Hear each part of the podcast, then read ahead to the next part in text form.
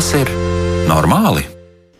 Esiet sveicināti studijā Kristiāna Lapiņa, bet pie skaņu eh, Kārlis Rašmans. Un eh, šis temats, ko šodien ap, apskatīsim un eh, ko mēģināsim izpētīt, būs gana nopietnas, un tāpēc arī aicinu tos klausītājus, kuriem tiešām ir kādas personiskas izjūtas, domas un jautājumi, noteikti arī neatstājiet bez ievērības šo iespēju mums uzrakstīt. Un atgādināšu, ka šis ir raidījums, kur mēs mēģinām apspriest mūsu pašu dzīves kvalitāti, psihisko veselību un vairāk arī runājam par to, ko jūtam.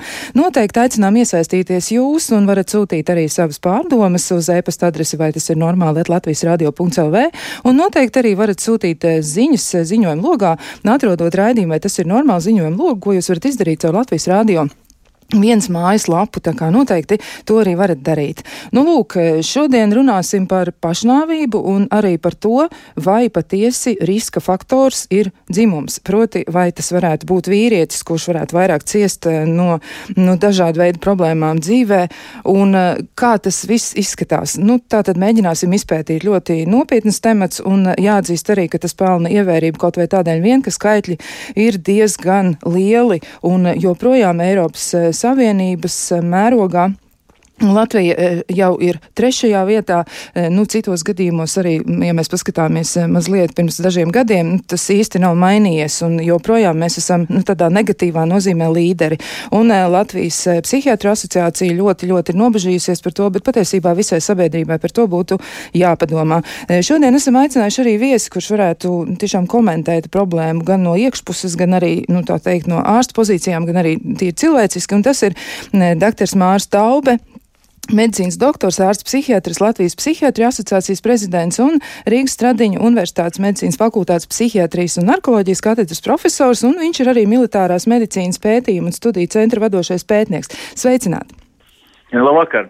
Nu, lūk, nu tad riska faktors vīrietis. Es arī eh, pirms ķēros pie raidījuma temata tādas sīkākas izpētes un arī pie dažādiem datiem, ko es mēģināju savākt, un arī pētījuma apkopošanas, es uzdevu jautājumu mm, arī vienā no sociālajiem tīkliem par to, nu, kā tas izskatās tiem cilvēkiem, kas ir mani paziņas eh, vai tādi attālāki vai tuvāki, un arī aicināju jebkuru citu cilvēku izteikties par šo, un es eh, atļaušos citēt vienu komentāru kurš eh, tieši attiecas uz mūs, mūsu šodienas eh, tematu un eh, atbildi par to, kāpēc vīrieši izdara pašnāvības, ir tā, ka, nu, tātad šis cilvēks raksta, ja tā ļoti vienkāršoti, tātad, manuprāt, normāla vīriešu vadmotīvs ir spēja būt noderīgam, kas izpaužas dažādi - naudas pelnīšanā, dzimtas turpināšanā, tekoša krāna salabošanā, savas sievietes lutināšanā un tā tālāk. Turklāt katram ir sava latiņa par to, kas ir normāli, ja pietiekami.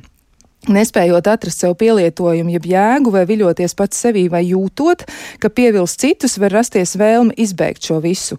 Vīriešiem retāk ir sastopama gatavība produktīvi risināt ieilgušas problēmas, vai pēc pirmā mēģinājuma, neredzot atsaucību, viņi noslēdz sevī vēl vairāk.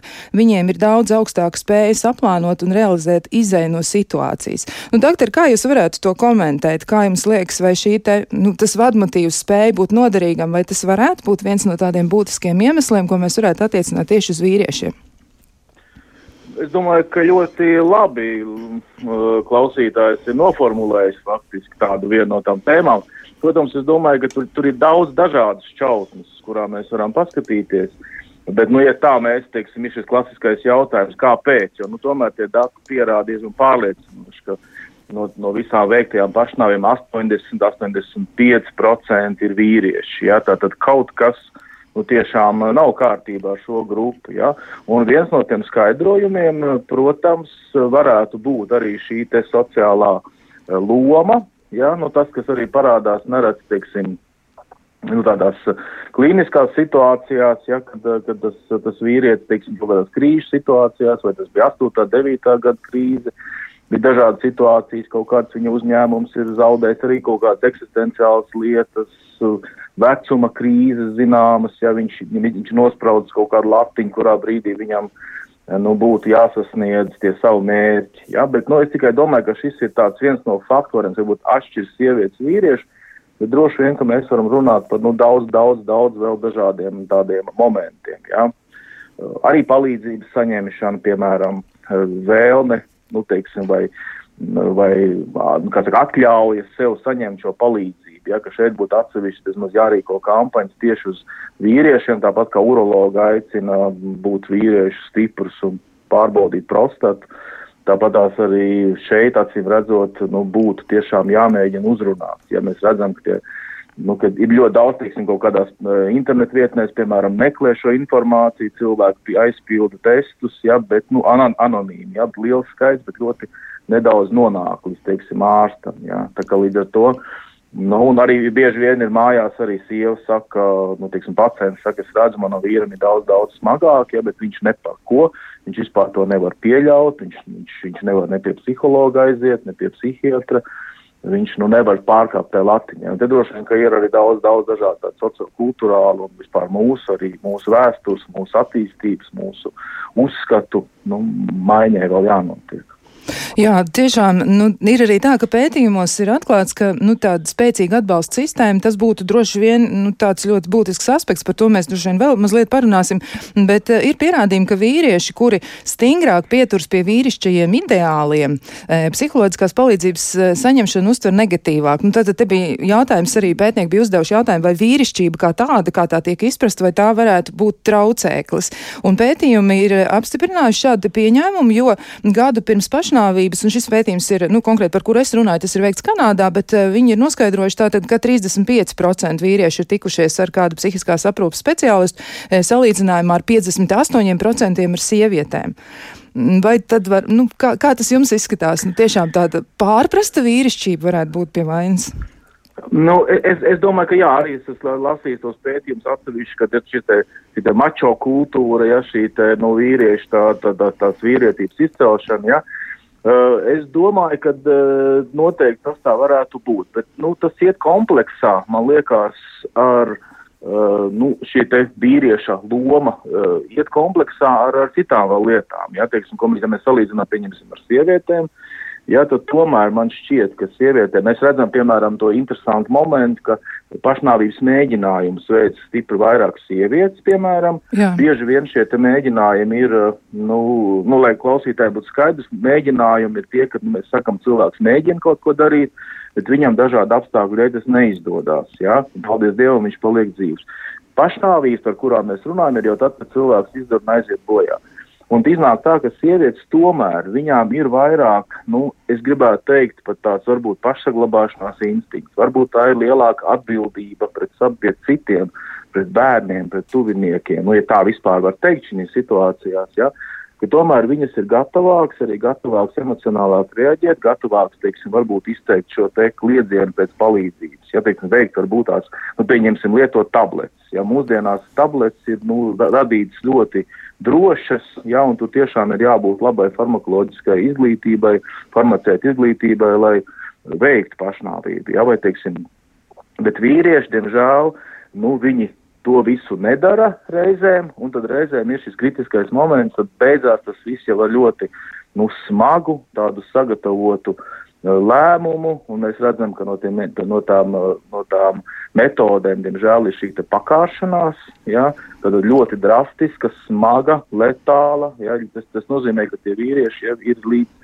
Nu, te nav tikai tā, ka viņam varbūt viens biznesa neizdevās, tāpēc es runāju par tām multicēloņiem, ja, ka iespējams tomēr, nu, šeit tomēr jau tas ir aizgājis, jau sasniedzis, teiksim, depresijas līmeni, jau tā ir jau slimīgs, slimīgs stāvoklis, ja, kad viņš jau ir, jo kā mēs zinām, arī, teiksim, nu, mēs varam tā diskutēt tālāk, tomēr tā pašnāvība ir zināmā veidā biežāk process, ja, tomēr tas ir zināms process, kas ir gājis, mēs arī par to varam parunāt, Bet nu, tas nav tā, ka viņš nu, retāk tas ir spontāns uzreiz šodien. Ja? Un te tas, nu, te tas ir jautājums, ko mēs varam runāt, nu, vai mēs varam to uzķert, mēs nevaram, mēs varam palīdzēt, mēs varam iejaukties. Ja?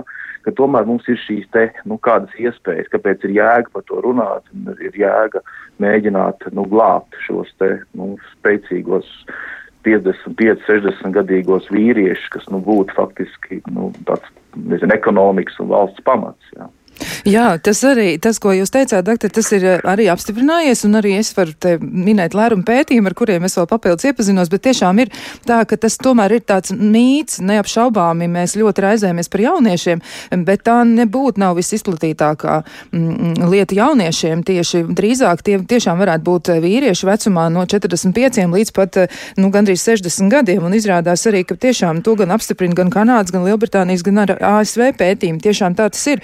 Bet, uh, Varbūt arī vēl var komentēt maz drusciņi arī tos nu, iemeslus, jo atkal jau tie paši pētījumi rāda, ka nu, kaut vai, piemēram, darba zaudēšana palielina pašnāvības risku divas vai pat trīs reizes, un tas īpaši attiec uz vīriešiem.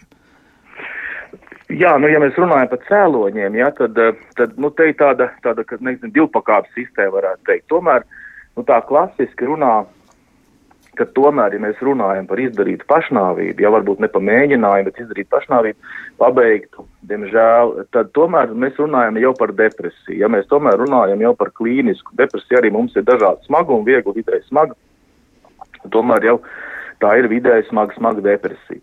Tas, par ko tas tā otra pakāpe, par ko mēs runājam, tas ir nākamais jautājums, ir nu, depresijas cēloņi. Ja? Un tur, protams, ir ļoti daudz dažādu riska faktoru, kur, protams, ir gan šī te E, šķiršanās, vientulība, arī šis dzimums kā riska faktors. Ja? Pat, e, pat reizēm, e, teiksim, tiešām augstāk, pat augstāk sabiedrības slāņi, vai, teiksim, tie nav cilvēki, kad mums liekas, ka tas ļoti, ļoti nabadzīgs vai ļoti, ļoti, tie tiešām ir tādi augstāki slāņi. Tad ir karjerā kaut kādi kritumi, ja? šī vientulība. Liels faktors, kas visu to sarežģīja, kas ietekmē gan paš, pašnāvības, gan arī uh, arī šos depresijas attīstību ir alkohols. Ja?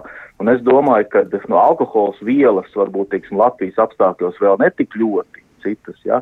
bet alkohols ir klasisks tāds, tāds moments, kas, nu, man liekas, kam varbūt mēs visu šo analizējot drusku, nu, nepievēršam uzmanību reizēm vai mazāk pievēršam, mums liekas, ka tā ir kaut kā tāda degradējoša problēma, bet bieži vien tur tomēr ir liela saistība ar to, ka nu, cilvēks ir lietojis alkoholu, jo viņš ir nu, sekundāri, varbūt ārstējies tādā veidā. Tā kā mm, es gribētu teikt, ka jā, tie faktori ir, kā tomēr jau depresijas attīstība un varbūt, nu, ir, protams, arī smagās kaut kādas, teiksim, kā 10% ir kādas, teiksim, šizofrēnija, smagās saslimšanas, kur ir impulsīvi, no kur ir daudz, nu, grūtāk mums kaut ko darīt. Ja? Bet, nu, tomēr ar depresiju, ar viņas atpazīšanu, ar šo faktoru novēršanu, nenonākt līdz depresijai, nu, tur mēs varam kaut ko darīt. Jā. Tā mēs, tā mēs piekrītam. Jā. jā, nu tā arī ir, ka ir konstatēts, ka vīrieši vairāk lieto dažādas atkarības vielas, tostarp arī alkoholu, un tad ir tāds pieņēmums, ka tas atspoguļo viņu ciešanas, ja, un, protams, ka tas arī noteikti ir nozīmīgs faktors. Iespējams, tas arī ir saudabīgs tāds bēgšanas mēģinājums noteiktā kultūrā, izvairīties no problēmas risināšanas, mēģinot kaut nedaudz attālināties vai aizmirsties. Jā, nu, jā, te ir arī, teiksim, mēs tā kopumā pašnāvim paskatāmies, nu, tā kā mums tie vīrieši tā fokusā, jā, bet uh, kopumā arī uh, ir kaut kādi gradienti, ja mēs paskatāmies, ir, teiksim, tomēr ir ziemeļu dienvidi, piemēram, ja, tomēr, nu, labi, mēs atkal, mēs esam ziemeļu valstis, mums tas, ir, nu, tas tomēr arī ir problēmas, kas ir Skandināvijas valstīs, šīs alkohola lietošanas, kur mēs arī varam dažādi vēl to, nu, apspriest, ja, bet, Tas ir viens gādiens, teiksim, dienvidu valstīs varbūt ir mazāk, arī, pieņemsim, šeit ir saistība ar šo alkoholu lietošanu, teiksim, vai mēs lietojam viņu, lai tur aizbēgtu no problēmām, tur ir, teiksim, smagais alkohols, ir kaut kāds piedzeršanās, ja šīs binge drinking, ja, vai, teiksim, ir, tas ir tomēr kaut kāds dienvidu valstis, kur, kur viņi varbūt lieto vīnu, varbūt, nu, tas ir, saka, slikti aknām, ja, bet tomēr viņiem nav tāds, nu, varbūt tas nav gluži, tas ir kaut kāds, kaut kāds varbūt pat reizēm, nu, palīdz viņiem. Eh, saglabāt, nu, teiksim, nezinu, savas emocijas tādā veidā izlikt. Nu, tad arī ir ekonomiskais gradients, protams, ja, tātad tomēr, tomēr mēs redzam šīs valstis, kur ir, nu, lielākas problēmas, tomēr ir, nu, ekonomiskā situācija, sociālā nedrošība, ja, un, eh, un eh, tas ir mūsu gals, teiksim, jaunās valsts, jaunās Eiropas Savienības valsts, un tomēr vecās, vecās valsts tomēr ir spēcīgāks ar kaut kādu lielāku stabilitāti, drošības sajūtu, tādām sociālām garantijām. Ja? Nu, šeit mēs arī varam tam piekrist, jo mēs redzējām, teiksim, 90. gadu sākumā mēs redzējām nu, nenormāli šos pašnāvības. Tad bija tūkstoši, teiksim, ja mums šogad nomirst, teiksim, pagājušajā gadā 250 cilvēki, kas ir milzīgi daudz, jā. Tad 90. gadu sākumā, 92. 93. gads, tie bija 1200, 1300 cilvēki. Katru gadu taisīja pašnāvību, tas bija vispār. Un tur, tur tiešām ies, un pēc tam jau, protams, mēs tagad redzam, ka mēs tomēr paliekam stabilāki, tomēr, nu, vienalga darot zaudējot darbu, mēs tomēr nenonākam uzreiz uz ielas, ja mums ir kaut kāda lielāka stabilitāte. Ja. Tā kā te, arī, nu, saka, dabīgi tā situācija labojās, bet jūs ļoti pareizi teicāt, ka sākumā, ka, nu, man nepatīk, man negribās, ka mēs tā nu, vienkārši sēžam un, un, un skatāmies, kā situācija attīstās, un tad, nu, kaut kā lēnām stabilizējās viss. Tomēr mums vajadzētu mēģināt kaut ko pašiem saprast un, un darīt, vai ārstēt, vai, vai uzaicināt šos cilvēkus, vai viņu sociālo lomu kaut kā mainīt. Nu, pasauli mainās šobrīd tēvi iet dekrēta atvaļinājumos, un šīs arī lomas un šīs tie stereotipi mainās. Jā. Tā kā, nu, jācer, ka kaut kas ir jādara pašiem šajā jautājumā.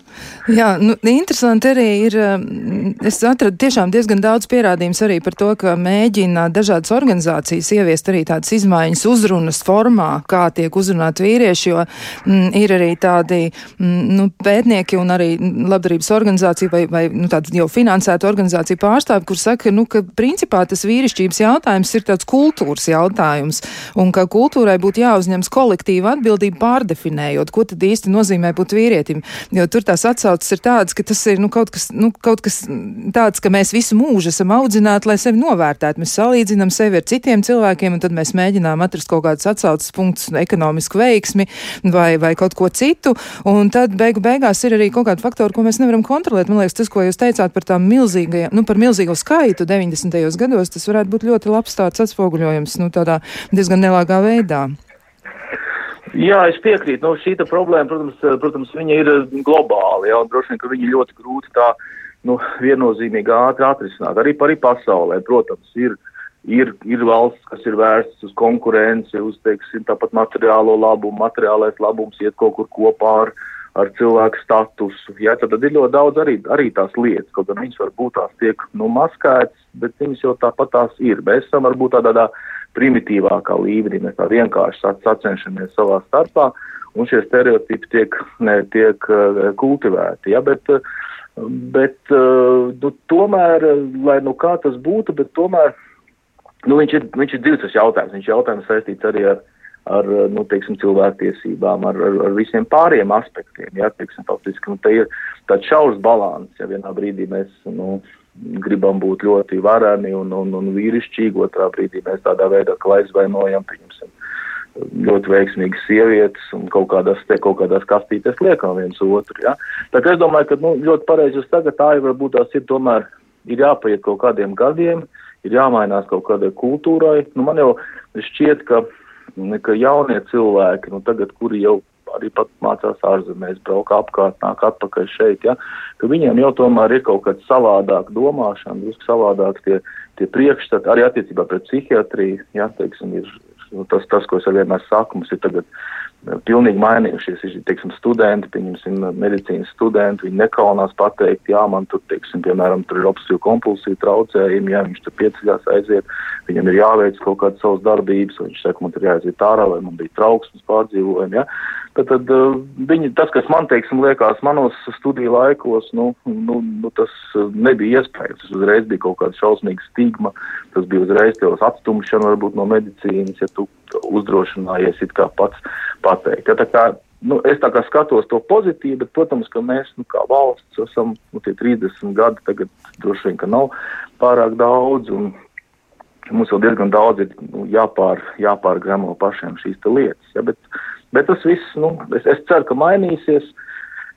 Vienkārši gribētos druscītiņi, nu, kaut kādus vairāk uzrunāt šos cilvēkus un tomēr, tomēr teikt tā, ka tā, zināmā mērā, ir vīrišķība. Ja cilvēks atnāk, viņš meklē palīdzību, jā, un tad, tad, tad viņš ir, ir, ir, pēc tam viņš savai strādā un palīdz savai ģimenei un ir, ir ļoti vērtīgs ģimenes loceklis. Nu, tie brīnišķīgi stāsti. Jā. Jā, nu, klausītāji mums sūta arī visādas jaukas lietas, un jā, arī jums personiski ir veltīts viens kompliments, jo viena no klausītājiem raksta, viņi mums sūta sveicienus, un pirmkārt liels paldies doktoram Mārim Talbam par atsaucību un iedziļināšanos ārsts ar lielo burtu, un šis vārds ar lielo ir uzrakstīts ar lieliem burtiem. jā.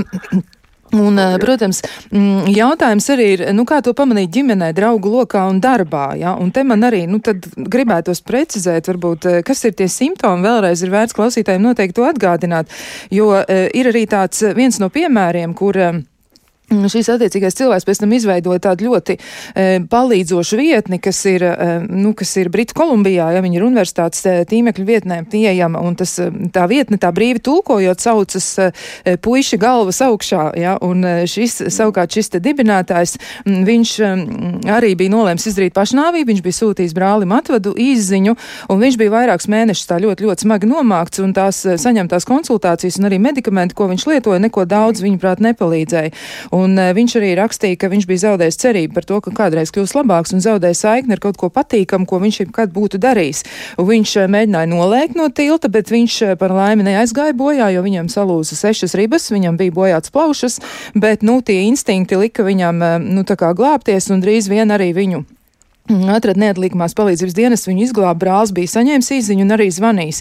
Un, eh, nu, tad, acīm redzot, ir tā, ka tie cilvēki, kur ir blakus, viņi reizēm tiešām nepamana. Tad kā atšķirs tieši vīrieši savā uzvedībā vai varbūt tajos simptomos, jo arī to pētnieki saka un arī profesionāļi ārsti arī atzīst, ka tur ir atšķirības.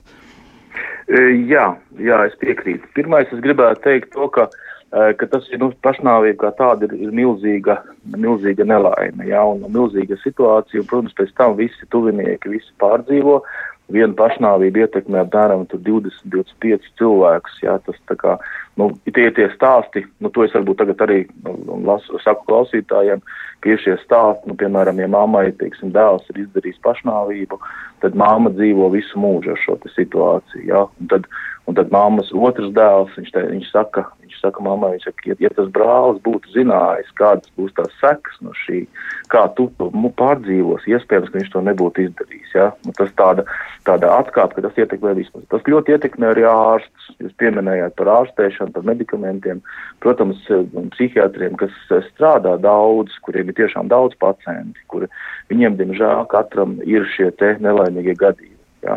Mēs it kā, mēs, nu, tas pamatpostulāts, mēs, mēs nevaram vienmēr, mēs nevaram simtprocentīgi garantēt, mums ir jādara viss arī kā ārstiem un kā tuviniekiem, bet mēs simtprocentīgi varbūt nevarēsim, mēs nevaram, nu, ir situācijas, kad mēs nevaram izdarīt. Tie jautājumi, ko mums vajadzētu pamanīt, es vēlreiz gribētu atgriezties pie tā, ka pašnāvība ir process. Jā, ir dažādas arī skaistas, teiksim, zīmējumi un stāsts par to. Tas ir process. Tas retāk ir tiešām šīs impulsīvās, varbūt, bet retāk ir impulsīvas darbības, kaut kas notiek. Tas ir process. Jūs pareizi teicāt, ka jau vairākus mēnešus cilvēks tas var ilgt arī vēl ilgāku laiku. Sākumā, protams, cilvēks, nonāk līdz šai domai, viņš varbūt jūtās sliktāk, viņam ir dažādas dzīves situācijas, viņš ir šajā depresijā nonācis, viņš sāk domāt par šo tēmu. Jā, tas arī nenotiek uzreiz tā, ka cilvēks, teiksim, jā, man ir skaidrs, tas ir man vienīgais izdeja un tam līdzīgi. Viņam parādās šī ideja, varbūt, ka tādā veidā es varu izbēgt no šīs problēmām, tad man varbūt būs vieglāk. Viņš sāk apsvērt šo domu. Tas ir pats tas sākuma etaps. Ja? Kā to var pamanīt? Cilvēks sāk sāk parasti interesēties par šīm tēmām, ja, piemēram, vai viņš lasa kaut kādu literatūru par šo tēmu, vai viņš sāk interesēties par kaut kādām dzīves nāves jautājumiem, par tu dzīvi pēc nāves, piemēram. Ja, tad, tad viņam parādās šāda, nu, savādāk, kā tā ir bijusi interese. Arī šai posmā cilvēks mēģina runāt. Ja? Viņš, teiksim, mēģina, piemēram, nu, es nezinu, ar savu tuvinieku brāli, no, viņš, teiksim, kaut ko aizskar šo tēmu, piemēram, par reliģiskām tēmām, ja? par tiešām tur kaut kādām pēcnāvas dzīvēm. Nu, tas ir ļoti smalki, ja tuvinieki, teiksim, pamanot šīs te izmaiņas, kas viņiem liekas dīvainas, kaut kas nav tā, kā bija agrāk. Tā ir cita tēma, tas ir cits, cits saruna.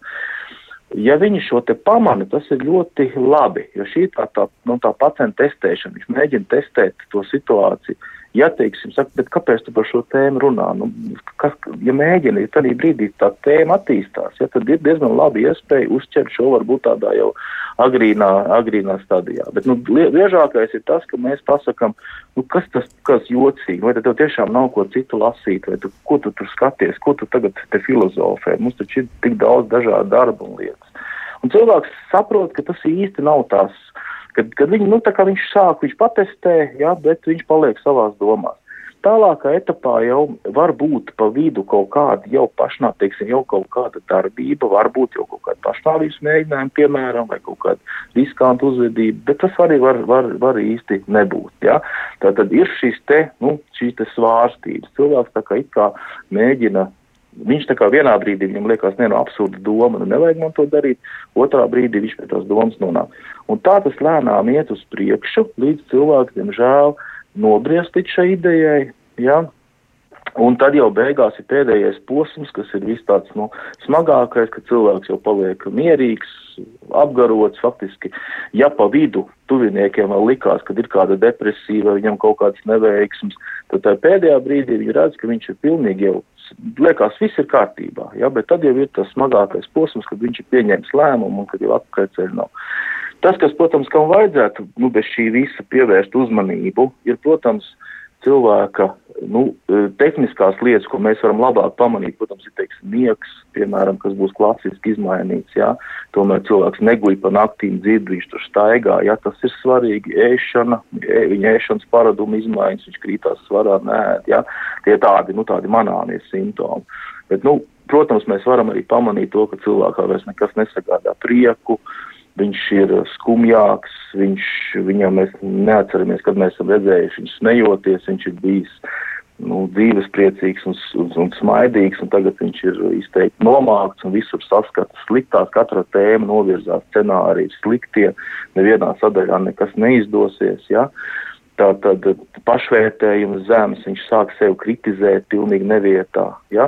Tātad, nu, tie ir tādi depresijas simptomi, kur, protams, varbūt viņam arī ir jau grūti koncentrēties, varbūt viņam ir, uh, viņam ir, viņš kaut kādas jau lietas nevar izdarīt, viņš tāds kā, tā kā lēnāks paliek, ja? tas jau var būt pavisam tā nopietnāk. Ja? Bet parasti tomēr, nu, pamana to, ka viņš nav vairs tāds, kā bija, teiksim, ja mēs manam izmaiņas, izmaiņas viņa interesēs, izmaiņas viņa gara stāvokli uzvedībā, un vēl mēs redzam tehniskās lietas, teiksim, miegs, ēšana, tie nav vienkārši tāpat, tie ir diezgan tādas, nu, redzamas lietas, kuras mēs varam objektizēt.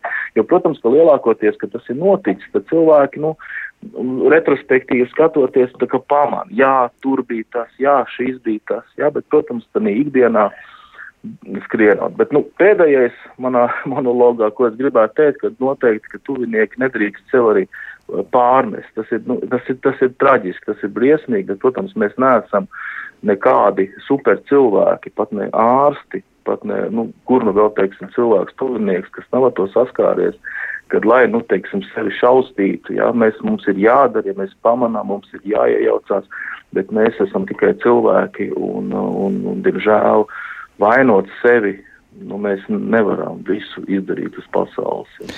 Tā gan, tā gan, bet mums vēl ir daudz lietas apspriežamas un arī daudz jautājumu, un to mēs darīsim burtiski pēc eh, dažām sekundēm, bet tagad, nu, tiešām maza, maza, maziņa pauzīte.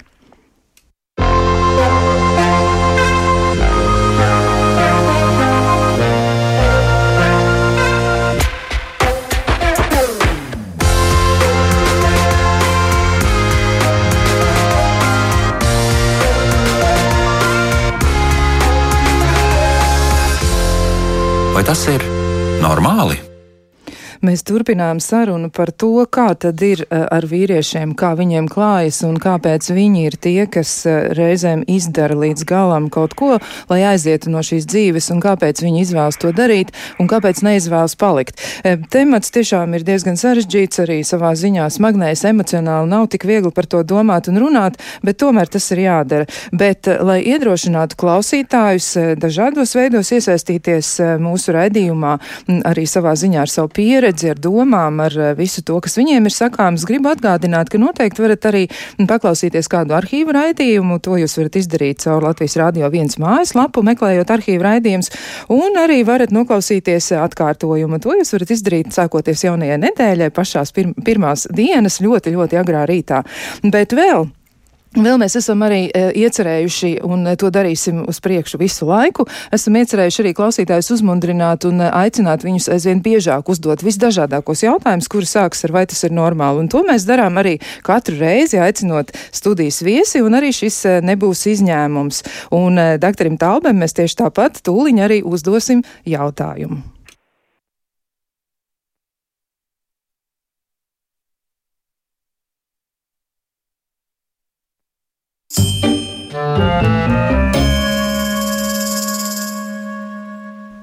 Nu, rekā, jautājuma pieteikums arī ir eh, noskanējis, un eh, tagad, nu, ir tas īstais brīdis. Doktor Taubi, jums ir jāizvēlās no skait, skaitlis no 1 līdz 3. Kas ir tas, ko jūs izvēlēsieties? Divi. Divi.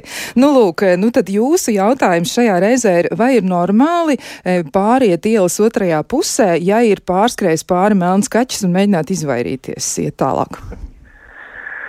Uh, es domāju, ka tas nav nekas, nekas ārkārtīgs. Ja? Es domāju, ka tā ir tāda nu, vairāk uh, sociokulturāla. Ja? Mums ir kaut tas tāds patās kā mūsu nezinu, bērnībā ir vecmāma stāstījuši, kad uh, kaķis tur nes nelaimi. Ir zināms tāds mājticības, mājticības procents mūsos visos, ja? un varbūt mēs visi pieķeram sev, ka mēs varbūt neejam pāri ielē, bet drusku piedomājam pie, pie, pie šīs situācijas. Es domāju, ka tas ir, tas ir pilnīgi pieņemami noteiktā sociokulturālā vidē, teiksim, ja mums Latvijā tāda tradīcija vai tādas no mutes mutē šāda folklora iet, tad mēs to varam darīt. Tas vēl noteikti nav nekāds, nu, teiksim, nopietnas slimības simptoms, ja, un, un, un noteikti ne, ne, neko tādu tas neliecina, un, un teiksim, tādu es kā psihiatrs tam īpašu uzmanību nepievērstu. Ja, ja nav kaut kas vēl cits plašāks, nu, nu, nu, tad var neuztraukties, tad viss kārtībā, jā, jo mums jā. Eh, tiešām ļoti dažādas jautājumas uzdot, un tad šis bija viens jā. no tiem. Nu, viss, viss ir mierīgi, tā tad eh, varam mierīgi dzīvot tālāk. Nu, lūk, eh, bet ja mēs runājam tieši par to vīriešu problemātiku, atgriežoties pie raidījuma pamata temata, mm, vēl ir arī tā, ka, nu, ir tādas tā saucamās neaizsargātās grupas, kas, jūsuprāt, tie varētu būt tie cilvēki, jo ir, nu, bieži vien min arī, piemēram, karavīrus, ja cilvēks, kas ir militārajās misijās, un man liekas arī, ka jūs, eh, nu, ļoti cieši arī esat saistīti savā ziņā pētniecības darbā ar šīm te lietām, nu, jūs varētu noteikti arī to ilustrēt. Eh, vai tā tiešām ir, un varbūt ir vēl kāda riska grupa, kas tieši būtu, nu, par vīriešiem sakāms, kur, kur ir vairāk iespējami riski saistībā, nu, saistībā ar pašnāvību? Jā, nu viennozīmīgi jūs pieminējāt arī šos militāru personas, jo tiešām mēs esam arī uh, NATO pētniecības ietvaros eh, ar to strādājuši, un tā ir tā diezgan aktuāla un sāpīga tēma. Eh, jo, protams, tas, tas, ko mēs arī sākumā jums runājām, militāra personas arī tas prasa noteiktu attieksmi, noteiktu arī tādu personības struktūru, ja, eh, noteikts īpašības, un tur, tur tiešām dominē arī šis te, maskul, šis vīrišķais, šī konkurence savā starpā. Ja, un arī šeit ir ļoti, ļoti daudz jautājumu, jau tas ir atšķirās dažādu, dažādu armiju, dažādu valstu militārās struktūrās, kā tas tiek realizēts, ja, kādas ir šīs te iespējas to risināt, ja, kādas ir psiholoģiskā atbalsta iespējas, ja vai misijās, kādas ir, vai, teiksim, tas tiek tendēts vairāk uz tādu vīrišķību, varonību, kopību, vai tomēr tas tiek virzīts uz kaut kādu nu, individualitāti, uz to, ka cilvēks var justies arī, teiksim, savādāk. Ja? Tā kā tā noteikti ir tāda riska grupa, ja, kur ir vesels, nu, vesels ziņojums, mēs to esam gatavojuši un taisījuši, kur ir, kur ir nopietni. Protams, um, tās grupas, kas ir, nu, teiksim, cilvēki, kas uh, nu, ir tomēr vientulība, jā, un te atkal mēs atgriežamies pie tā sākuma, ja, ka tomēr mēs vīrieši, nu, viņa, viņa kaut kāda tāda neatkarība, ja viņa tāda uh, būtība bieži vien ir, ir, ir tāds, nu, tāds, tāds, kā, tāds kā kaut kāds simbols, ja, un, un bieži vien arī, teiksim, tāds ir kaut kāds šķirts laulības, viņš, teiksim, nu, ne, neuzņemās tik ļoti, varbūt viņa personība, viņa audzināšana, viņa, nu, kā viņš ir veidojies, viņa ģimenes ietekme. ir bijusi, un viņš ir izveidojies tāds kā vientuļnieks, jā, tad pievienojās kaut kādas alkohola lietošanas, jā, tad pievienojās uh, tāds uh, izaicinošs dzīvesveids, varbūt riskants dzīvesveids, jā. Jo mēs par pašnāvībām tad neliela atkāpe, nu, bieži vien, teiksim, Timrot kungs par to runā, ja, kad mēs redzam automašīnas Mm, bez bremzēšanas pēdām, ja, un, un ietriekšanās kokā mēs to norakstam kā ceļas negadījumu, bet mēs īstenībā nezinām, kas tur apakšā ir. Ja. Šodien Lietuvā ir kaut kāds traģisks notikums, kad mašīna pilnā ātrumā brauca pretējo joslu. Ja. Daudz jautājumu, kas tur slēpjas. Ja. Tā kā es domāju, tā personības struktūra, alkoholizācija, vientulība, sociālā statusa zaudēšana. Ja bieži vien tās ir riska profesijas, arī nu, militāra personas, arī tāds, nu, ugunsdzēsēji, tāpat tās pārstiem ļoti daudz ir. Ir diskusijas ārsti arī ir riska grupā, jā, jo pirmkārt ļoti nu, spriedzi tajā darbā, un tas kaut kāds arī izlādes mehānisms, plus kaut kāds alkohola lietošanas, plus zināšanas par medicīnu, par zālēm, jā, par, par šiem līdzekļiem. Nu, tā, tā arī tāda riska grupa. Tā kā, nu, protams, arī ir arī dažādas nu, lielās grupas, kur nav tikai izdalīti vīrieši, bet kas ir pieņemsim bēgļu ja, populācija, ja, kas ir arī milzīgs jautājums, ja, kā šīs kopas dzīvo, kāda ir viņu psihiskā veselība, kādi pašnāvību rādītāji, ja, cik viņi ir integrēti. Ja. Tā kā ir, ir grupas arī. Jā, nu, Tiešām, jā, tā tad nu, arī tur tādi būtiski, būtiski aspekti, kas noteikti jāņem vērā. Man liekas, ka nu, tāds medicīnas students, tad, kad viņš tikko sāk mācīties un viņš vēlas pabeigt medicīnas fakultāti un specializēties ķirurģijā, diezin vai viņš ļoti tajā brīdī domā, cik ļoti, ļoti riskanti ir šī izvēle, cik ļoti daudz viņam būs jāstrādā, lai viņš varētu noturēties virs ūdens un izturēt to spriedzi.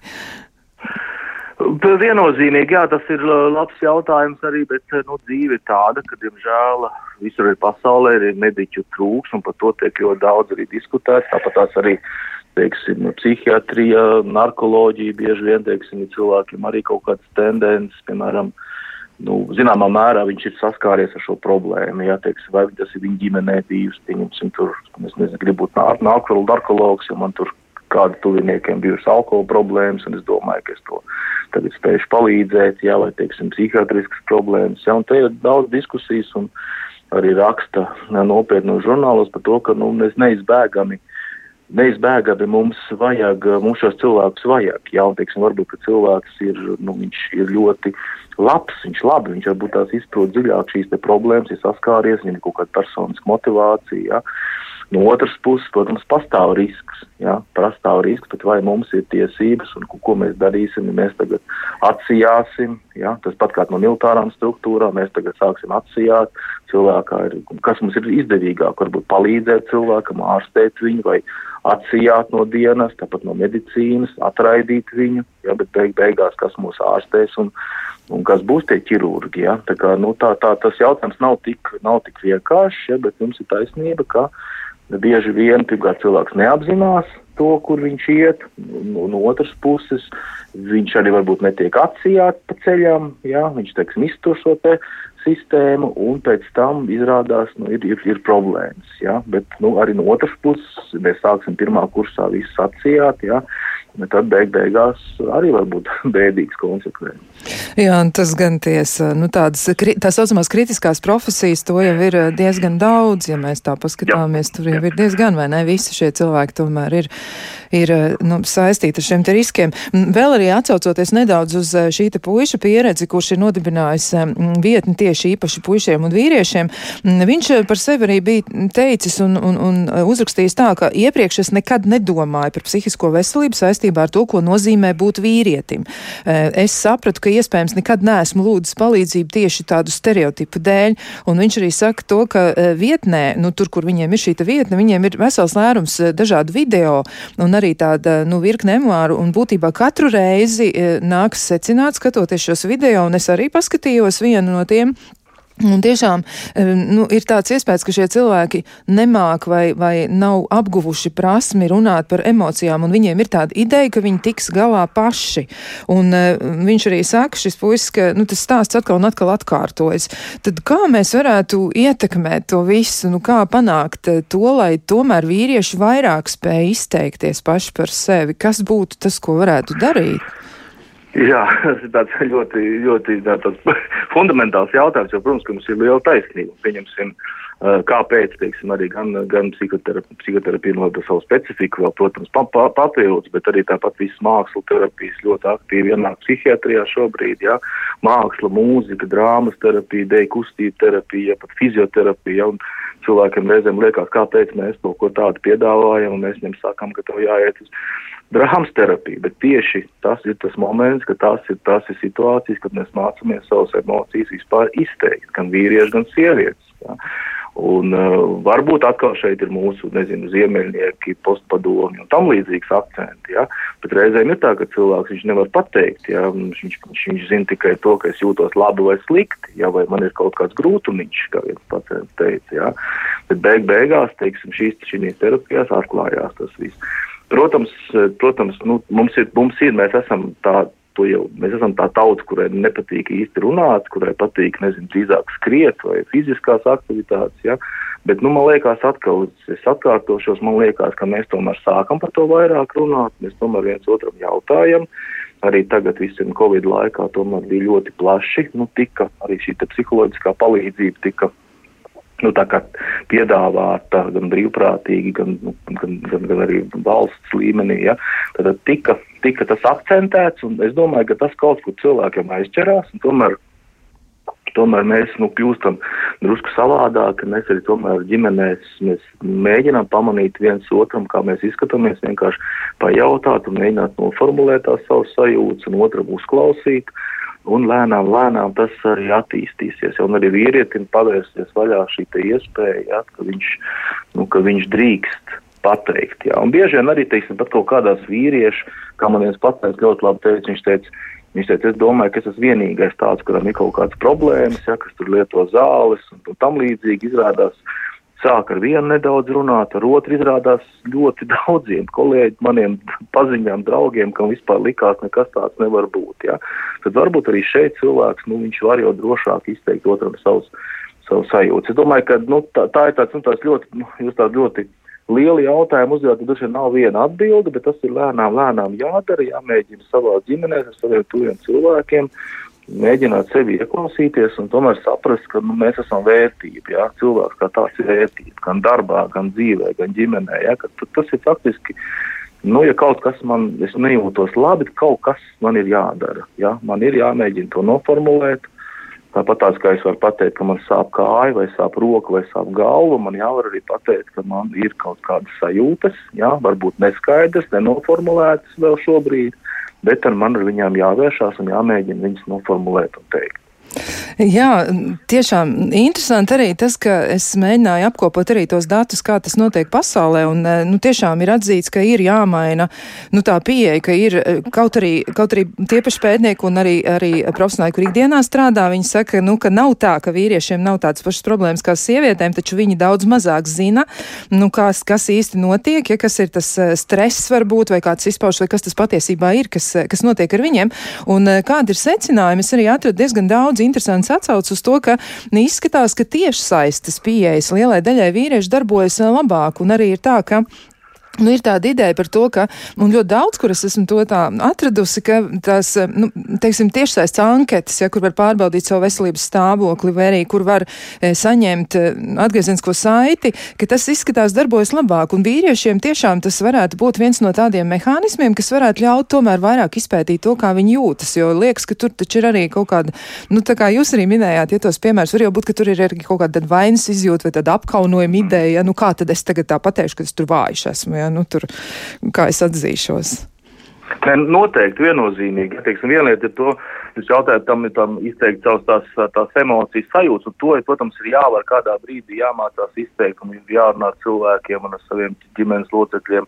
Tā varbūt nav tā īsti, nu, teiksim, tā internet vide, bet internet vide ir ļoti laba, ka tu vari vispār uzdrošinies, jo tā kā es jau teicu, mēs redzam, ka ļoti daudz cilvēku pilda, pilda, teiksim, tu depresijas testus, trauksmes testus, mēs redzam apmeklējumus, ja bet, eh, bet kur viņi paliek, ko viņi tālāk ar to dara. Ja?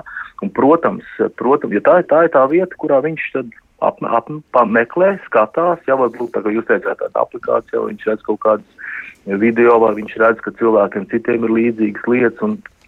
Un viņš tur, tur jūtās droši. Jautājums ir tālāk, kas notiek tālāk, ja, vai tu, teiksim, ir kāds profesionāls, kas var atbildēt, ir kaut kādi jautājumi, tā, kas notiek tālāk, jo tikai ar to, ka viņš šo identificē, tas ir labi, bet, bet būtu labi jau iet tālāk, nākamos soļus.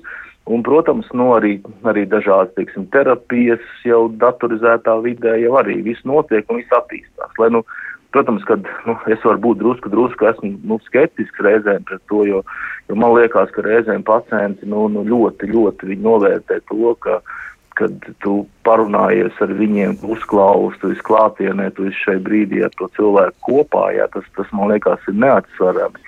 Bet, protams, protams, iet arī attīstās video veidā un, un un, un dažādi. Teiksim, es domāju, ka nu, tas, tas noteikti attīstās, un droši vien cilvēki tiešām izmanto, un, un, un tas ir milzīgs potenciāls, un tas ir tas pluss, teiksim, ko mēs vienmēr gānam tur internetu, vai, bet, um, bet šī gadījumā tas ir.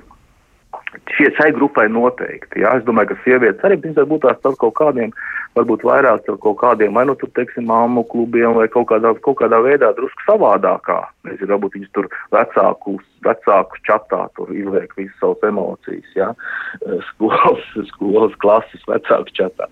Bet vīriešiem varbūt šāda platforma ir mazāk, protams. Jā, bet izskatās arī, ka tiešām visi, visi pasākumi, kuri ir aktīvi un ir vērsti uz iesaistīšanos, eh, visi strādā. Nu, kaut vai arī, piemēram, tāda nu, realistiska iesaistīšanās, ja, jo daži risinājumi arī ir eh, tieši tādi, un runājot arī par vīriešiem, kur izvēlas tos veidus eh, pašnāvības īstenošanai, kas tiešām ir ar, nu, visticamāk, tiešām ar šo letālo rezultātu. Daudz tās kampaņas ir, un arī, mm, piemēram, viens no tādiem labiem piemēriem, man liekas, ka ir, nu, mēs jau daudz esam lasījuši un zinām par San Francisco zelta vārtu tiltu, kur arī, nu, tā diezgan. Mm daudz ir darīts, lai pašnāvības novērst, bet izrādās arī, ka Bristolē, eh, Lielbritānijā ir eh, Kliftons piekramais tilts, un arī tur tikko kā tur tika uzstādīts barjeras, tā uzreiz pašnāvību mm, gadījumu skaits eh, samazinājās uz pusi. Tas nozīmē, ka jebkas, ko mēs darām, droši vien varētu šim cilvēkam palīdzēt. Jā, jā, protams, jo skaidrs, ka, ja mēs runājam no konkrētām programmām, tas skaidrs, ka ir šo iero, līdzekļu ierobežošana, teiksim, faktiski ļoti efektīva lieta, ja, teiksim, un tas strādā. Pieņemsim, mēs redzam Latvijā, paldies Dievam, mums tomēr, teiksim, ieroču kontrole ļoti stingra, ja, un salīdzinoši mums ar ieročiem ir ļoti maz pašnāvību. Tikai tiešām militāra personas, kur ir šī pieeja, ja, kas ir tiešām pat ar militārā, nu, sistēmas liela, liels problēma, bet, teiksim, civilā sektorā mums nav šī lieta, ja, atšķirībā no, teiksim, varbūt Amerikas vai Somijas, kur mēs redzam, kur notiek šīs pat paplašinātās pašnāvības, kur, diemžēl, cilvēks nu, paņem līdzi vēl citu cilvēku dzīvības tajā brīdī. Ja? Tā kā te mums ir labā lieta. Jā, ļoti pareizi šie tilti, tāpat tās arī, arī mums ir, nu, vai kā mēs uh, skatāmies, mums arī šis pats mūsu nelaimīgais vānu stils, jā, it kā visu laiku kādi joki, joki, kamēr cilvēks patiešām izdarīja pašnāvību. Ja? Tā kā, nu, tie ir, tie ir, te, te tas viss jādara, arī visādi etiķa esens un tam līdzīgi, par ko tika runāts un citiem liekas jocīgi, jā, bet tiešām tas arī bija viens no līdzekļiem un cerēsim, ka gan negadījumu, gan pašnāvības ziņā būs, būs, būs mazāk šīs te, šīs te problēmas. Ja? Tā kā tas ir noteikti, jā, bet nu, tad nākamais jau ir jā, arī, teiksim, dažādas, pieņemsim, visu krīžu telefons strādā ļoti labi. Jā. Ļoti labi strādā teiksim, tomēr arī medicīnas darbinieku, ja, aktīvi, ne tikai psihiatri, bet, teiksim, cilvēks, piemēram, ir pierādījumi, ka cilvēks pirms pašnāvības, viņš, teiksim, kaut kādas pēdējās nedēļas, viņš iet pie ģimenes ārsta, vai viņš iet pie ginekologa, viņš iet pie tiem cilvēkiem, kas viņam ir tie tuvākie mediķi, ja, tādi intīmāk varētu teikt, un viņš stāst varbūt par vēders sāpēm, varbūt par galvas sāpēm, bet tā vēl ir šī te vēl viņa, nu, tāda varbūt vēl mēģinājums mēģinājums aizskart šo te tēmu. Ja? Un, teiksim, Somijā bija piemēram, ka katram ārstam, neatkarīgi no kāda, ka, kur viņš strādā, viņam bija obligāts jautājums par pašnāvībām. Cilvēkam jāuzdod, jāsāk runāt par šo tēmu. Ja? Un tas arī noteiktā reģionā parādīja diezgan samazinājās pašnāvību rādītāji. Ja? Tā kā te ir no dažādiem aspektiem, no ģimenes, no tuviniekiem, piekļuva ārstniecībai, internetu vide, ierobežot līdzekļu. Ja? Ekonomiskā situācija, alkohols, ja, te, te ļoti daudz tā puzle ir liela, ja, bet uh, sociāla ekonomiskā situācija, drošība, bet, uh, bet, bet teiksim, tos puzles lauciņus liekot visus kopā, katrā strādājot, tomēr nu, tas rezultāts uh, var būt. Ja. Nav Jā. zelta līdzekļa, ja, bet, bet, bet, bet saliekot kopā katrā punktā var diezgan daudz ko izdarīt. Jā, tiesa gan, tas noteikti varētu būt kas tāds, nu, droši vien jau arī var aicināt arī cilvēku, ja viņš jūtas, nu, tā tiešām nedroši, nelāgi, vai viņam ir šīs te domas, nu, tad noteikti vērsties arī kaut vai pie šī paša ģimenes ārsta vai kāda cilvēka, kam viņš uzticas. Bet, nu, tad vēl jautājums, kas būtībā varētu arī vairāk jau, nu, tā kā būt sarunas noslēgumā, jums nav vairs pārāk daudz laika šajā vakarā, bet, mm, nu, cilvēkiem reizēm ir tāda ideja, nu, es taču nevaru runāt ar to cilvēku par pašnāvību. Nu, viņš tur tā, viņš kaut ko saka, un viņš saka, dzīvot nav jēgas, un vispār ir, eh, ir, ir nu, nu, jābeidz šis viss, ja, un, un eh, Un tāds daudz ļoti negatīvi orientēts izteikums, eh, viņš saka, un cilvēki reizēm sabīsts. Viņi saka, nu nē, nu es taču nevaru ar viņu runāt, tad jau gan viņš noteikti to mēģinās izdarīt. Kā tad ir? Nē, nu tas ir klasiskais, klasiskais mīts, ja klasiskais numur viens, ko, ka, protams, ka mēs runāsim par pašnāvību, tad, tad viņa notiks. Ir taisn otrādāk, ja. Ja mēs runāsim, ja mēs pa pamanīsim, ja tiešām tā kā es teicu, ka cilvēks tajā brīdī runā kaut ko sāk runāt par dzīvi, nāvi, par kaut kādām lietām, ja mēs netieši uztversim to, vai ja cilvēks par šo jautājumu izteiksies un mēs sāksim par to runāt, tad mēs to risku samazināsim eh, diezgan būtiski. Ja? Protams, nu, Protams, mēs to uzreiz neatrisināsim, bet tas risks, protams, samazināsies un ir obligāti jārunā, jā, un tas arī ir arī mediķu izglītībā un, un ģimenes ārstu un psihiatru ir jārunā, šis jautājums ir jāuzdod, un, protams, nu, viņš ir diezgan tāds intīms, jā, un tāds, nu, bailīgs reizēm, nu, tā kā, tā kā tā ir, bet tas ir klasiskais, klasiskais mīts, ko, nu, nevajag, vajag droši darīt. Tādā veidā, mēs tikai varam cilvēku izglābt un tad jau tālāk risināt jautājumu. Jā, tā tiešām ir un nelāgi ir atzīt, ka pašnāvības ir sastopamas biežāk nekā mēs gribētu, un eh, laikam mēs tomēr negribētu nevienu cilvēku eh, redzam, e, ejot bojā tieši šādā veidā. Droši vien ir jādara viss, lai palīdzētu. Nu, šai mirklī gan man jāsaka ir paldies eh, Mārim Taubem, medicīnas doktoram, ārstam, psihiatram, Latvijas psihiatra asociācijas prezidentam, Rīgas Stradiņu universitātes medicīnas mm, fakultātes psihiatrijas un narkoloģijas katedras profesoram, un viņš ir arī militārās medicīnas medicīnas pētījumu un studiju centra vadošais pētnieks. Lielas paldies jums par ieskatu tajā, kā tad uh, vērtēt vīriešu attiecības ar nu, kaut kādām tik radikālām domām par dzīves beigām. Un uh, tiešām arī liels paldies par to, ka jūs atlicinājāt laiku, lai par šo tematu ar mums kopā runātu. Nu, tā tad vēlreiz paldies doktoram Taubem. Un, Paldies. Jā, un savukārt klausītājiem mēs varam teikt, nu, ka ir tādas ļoti labas lietas arī pasaulē izdarītas, un gan jau, ka varat atrast arī varbūt vēl kādu resursu, ja gadījumā kas krīzes telefoni noteikti tos izmantojiet.